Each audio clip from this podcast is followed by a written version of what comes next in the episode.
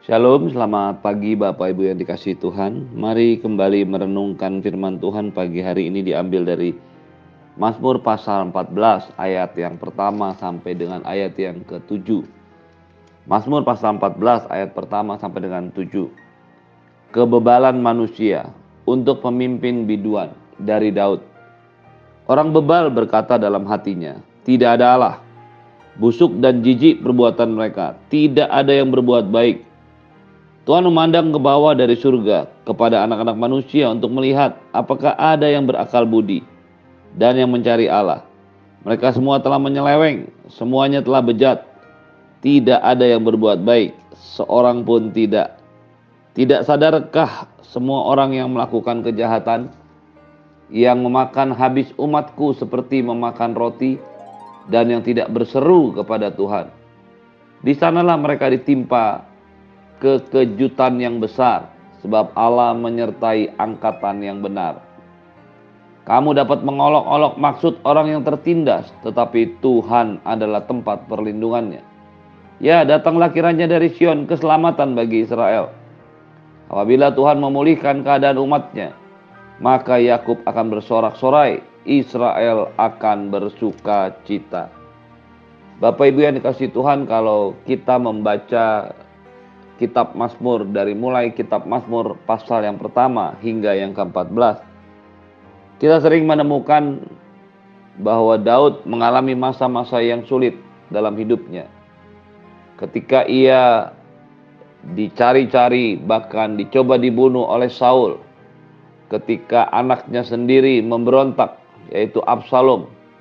Kita melihat ada begitu banyak hal-hal yang tidak mengenakan yang menekan yang membuat Daud tidak nyaman hidupnya.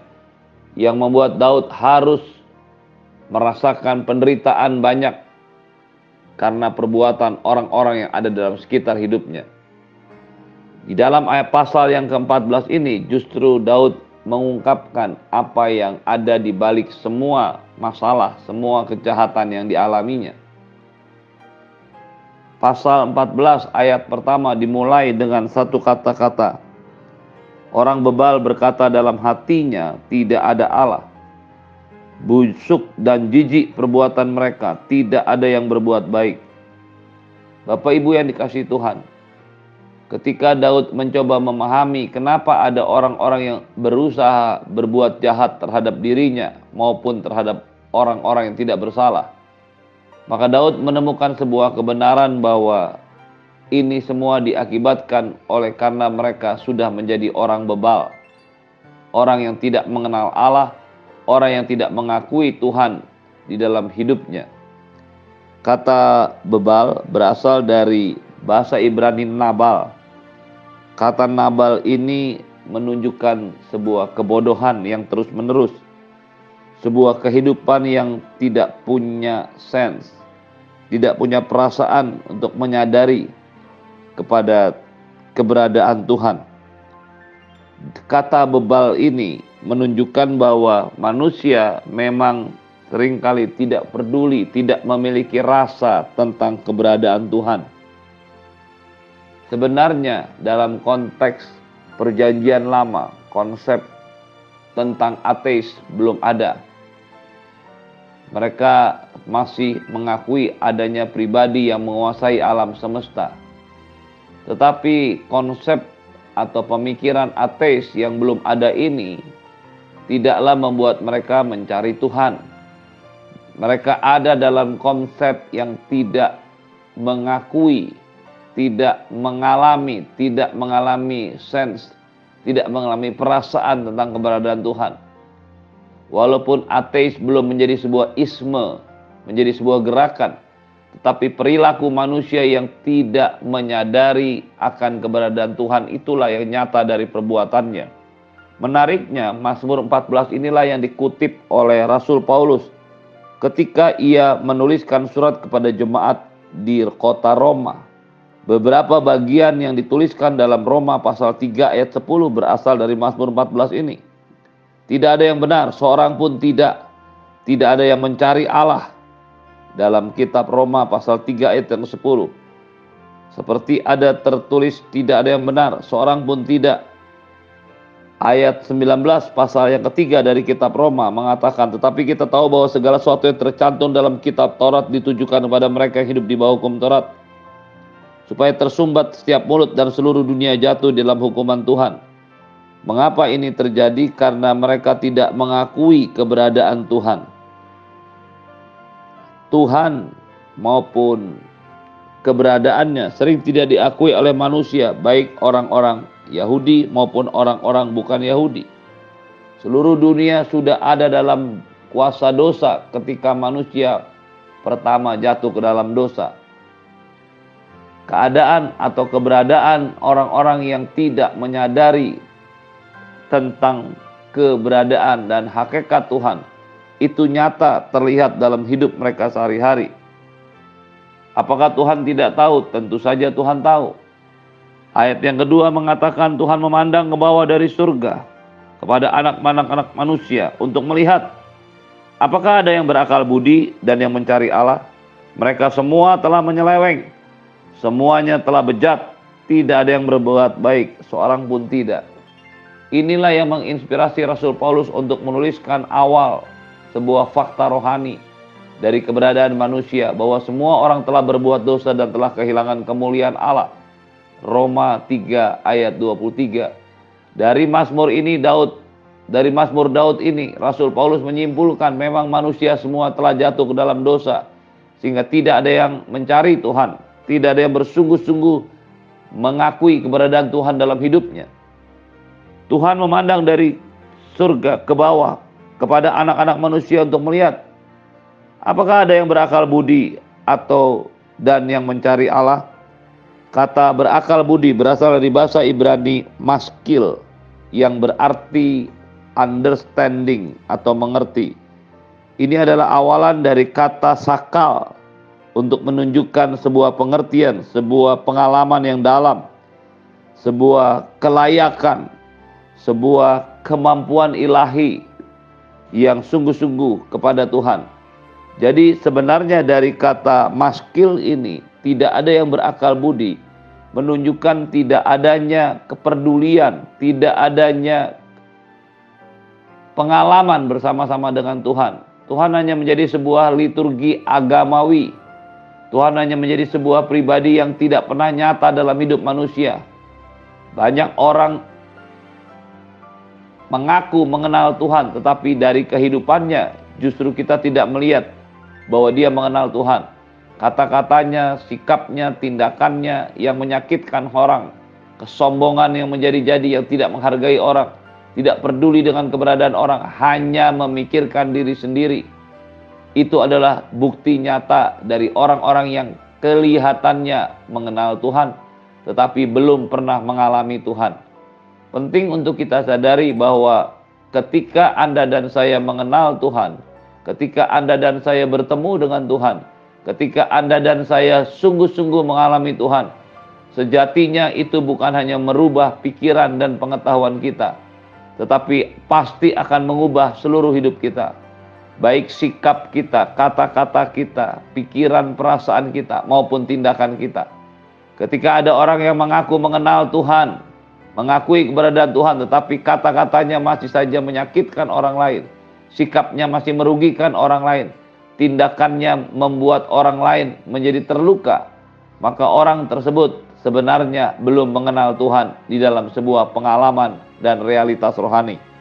Inilah yang dikatakan oleh Daud. Tuhan memandang ke bawah dari surga untuk melihat apakah ada yang berakal budi, apakah ada yang sungguh-sungguh memahami Tuhan dalam hidupnya, apakah ada orang yang sungguh-sungguh maskil atau sakal memberikan sebuah pengalaman rohani bersama-sama dengan Tuhan. Untuk melihat apakah ada yang mencari Allah.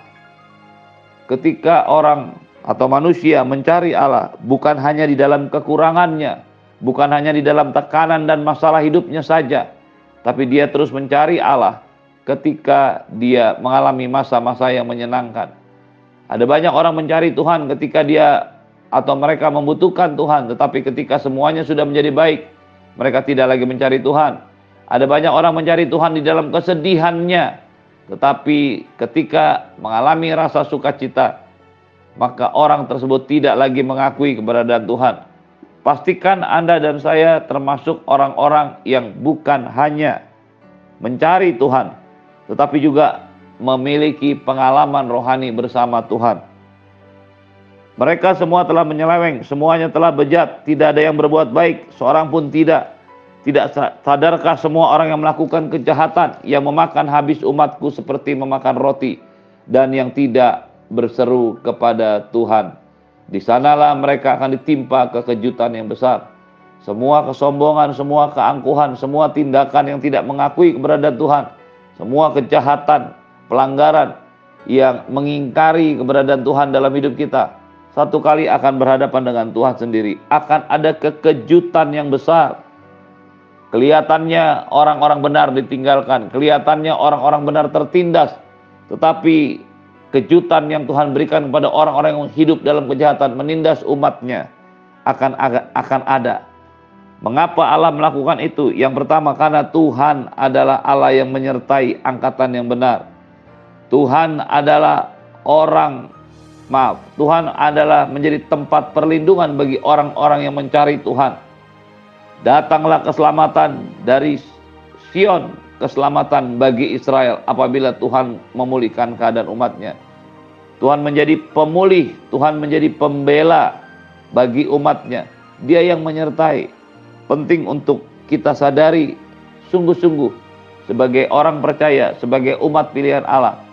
Apa pun yang Allah izinkan terjadi dalam hidup kita, hal-hal yang menyenangkan, hal-hal yang tidak menyenangkan, hal-hal yang membahagiakan, hal-hal yang menyedihkan, hal-hal yang menguatkan, hal-hal yang melemahkan.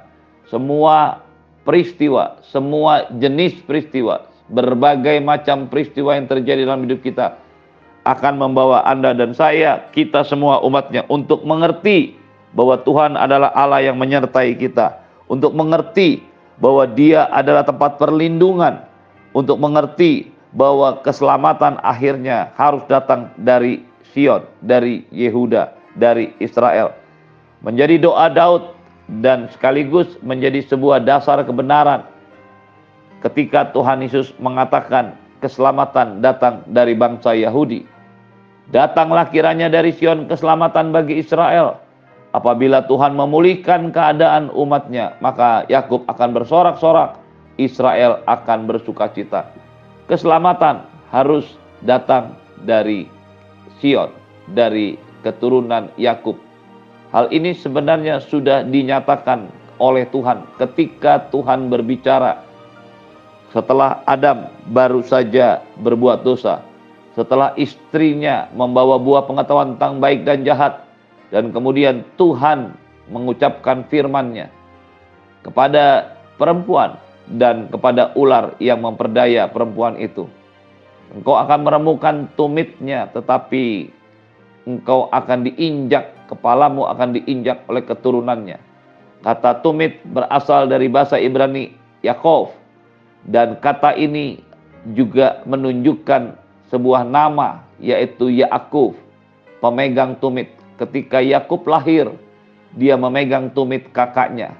Dan ini semua adalah tindakan profetik, semua langkah profetik yang sudah disiapkan Tuhan. Bahwa pada nantinya yang akan menginjak kepala ular adalah orang yang berasal dari keturunan Yaakov, yaitu Yakub. Dengan demikian, ketika Tuhan Yesus mengatakan keselamatan datang dari bangsa Yahudi, dia bukan saja menggenapi apa yang terjadi, apa yang diucapkan Tuhan dalam kejadian pasal yang ketiga, ayat 15, itu menjadi nyata. Semua yang dikerjakan Tuhan Yesus, semua yang dilakukannya di atas kayu salib untuk mati dan menebus dosa manusia adalah sebuah rencana besar Tuhan yang diciptakan Tuhan, yang direncanakan Tuhan sejak manusia jatuh ke dalam dosa. Perhatikan baik-baik semua firman Tuhan yang mengajar kita pagi hari ini. Jadilah orang-orang yang terus mencari Tuhan, berakal budi, memiliki pengertian, memiliki pengalaman rohani bersama-sama dengan Tuhan, dan tidak melakukan kejahatan. Tuhan adalah tempat perlindungan, Tuhan adalah pribadi yang terus menyertai kita, dan pada akhirnya keselamatan yang datang dari Sion, dari Israel, itulah yang menjadi keselamatan kita seumur hidup kita. Anda dan saya adalah orang-orang yang beruntung masuk dalam bilangan angkatan yang benar. Badoar Sadik adalah sebuah ungkapan untuk mengatakan angkatan yang benar.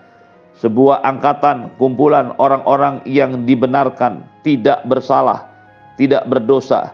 Orang-orang yang tidak berdosa bukan karena perbuatannya tidak pernah berdosa, tetapi karena dosanya diampuni dan ditebus oleh Yesus Tuhan kita yang datang dari keturunan Yakub, yang datang dari Israel untuk menyelamatkan kita.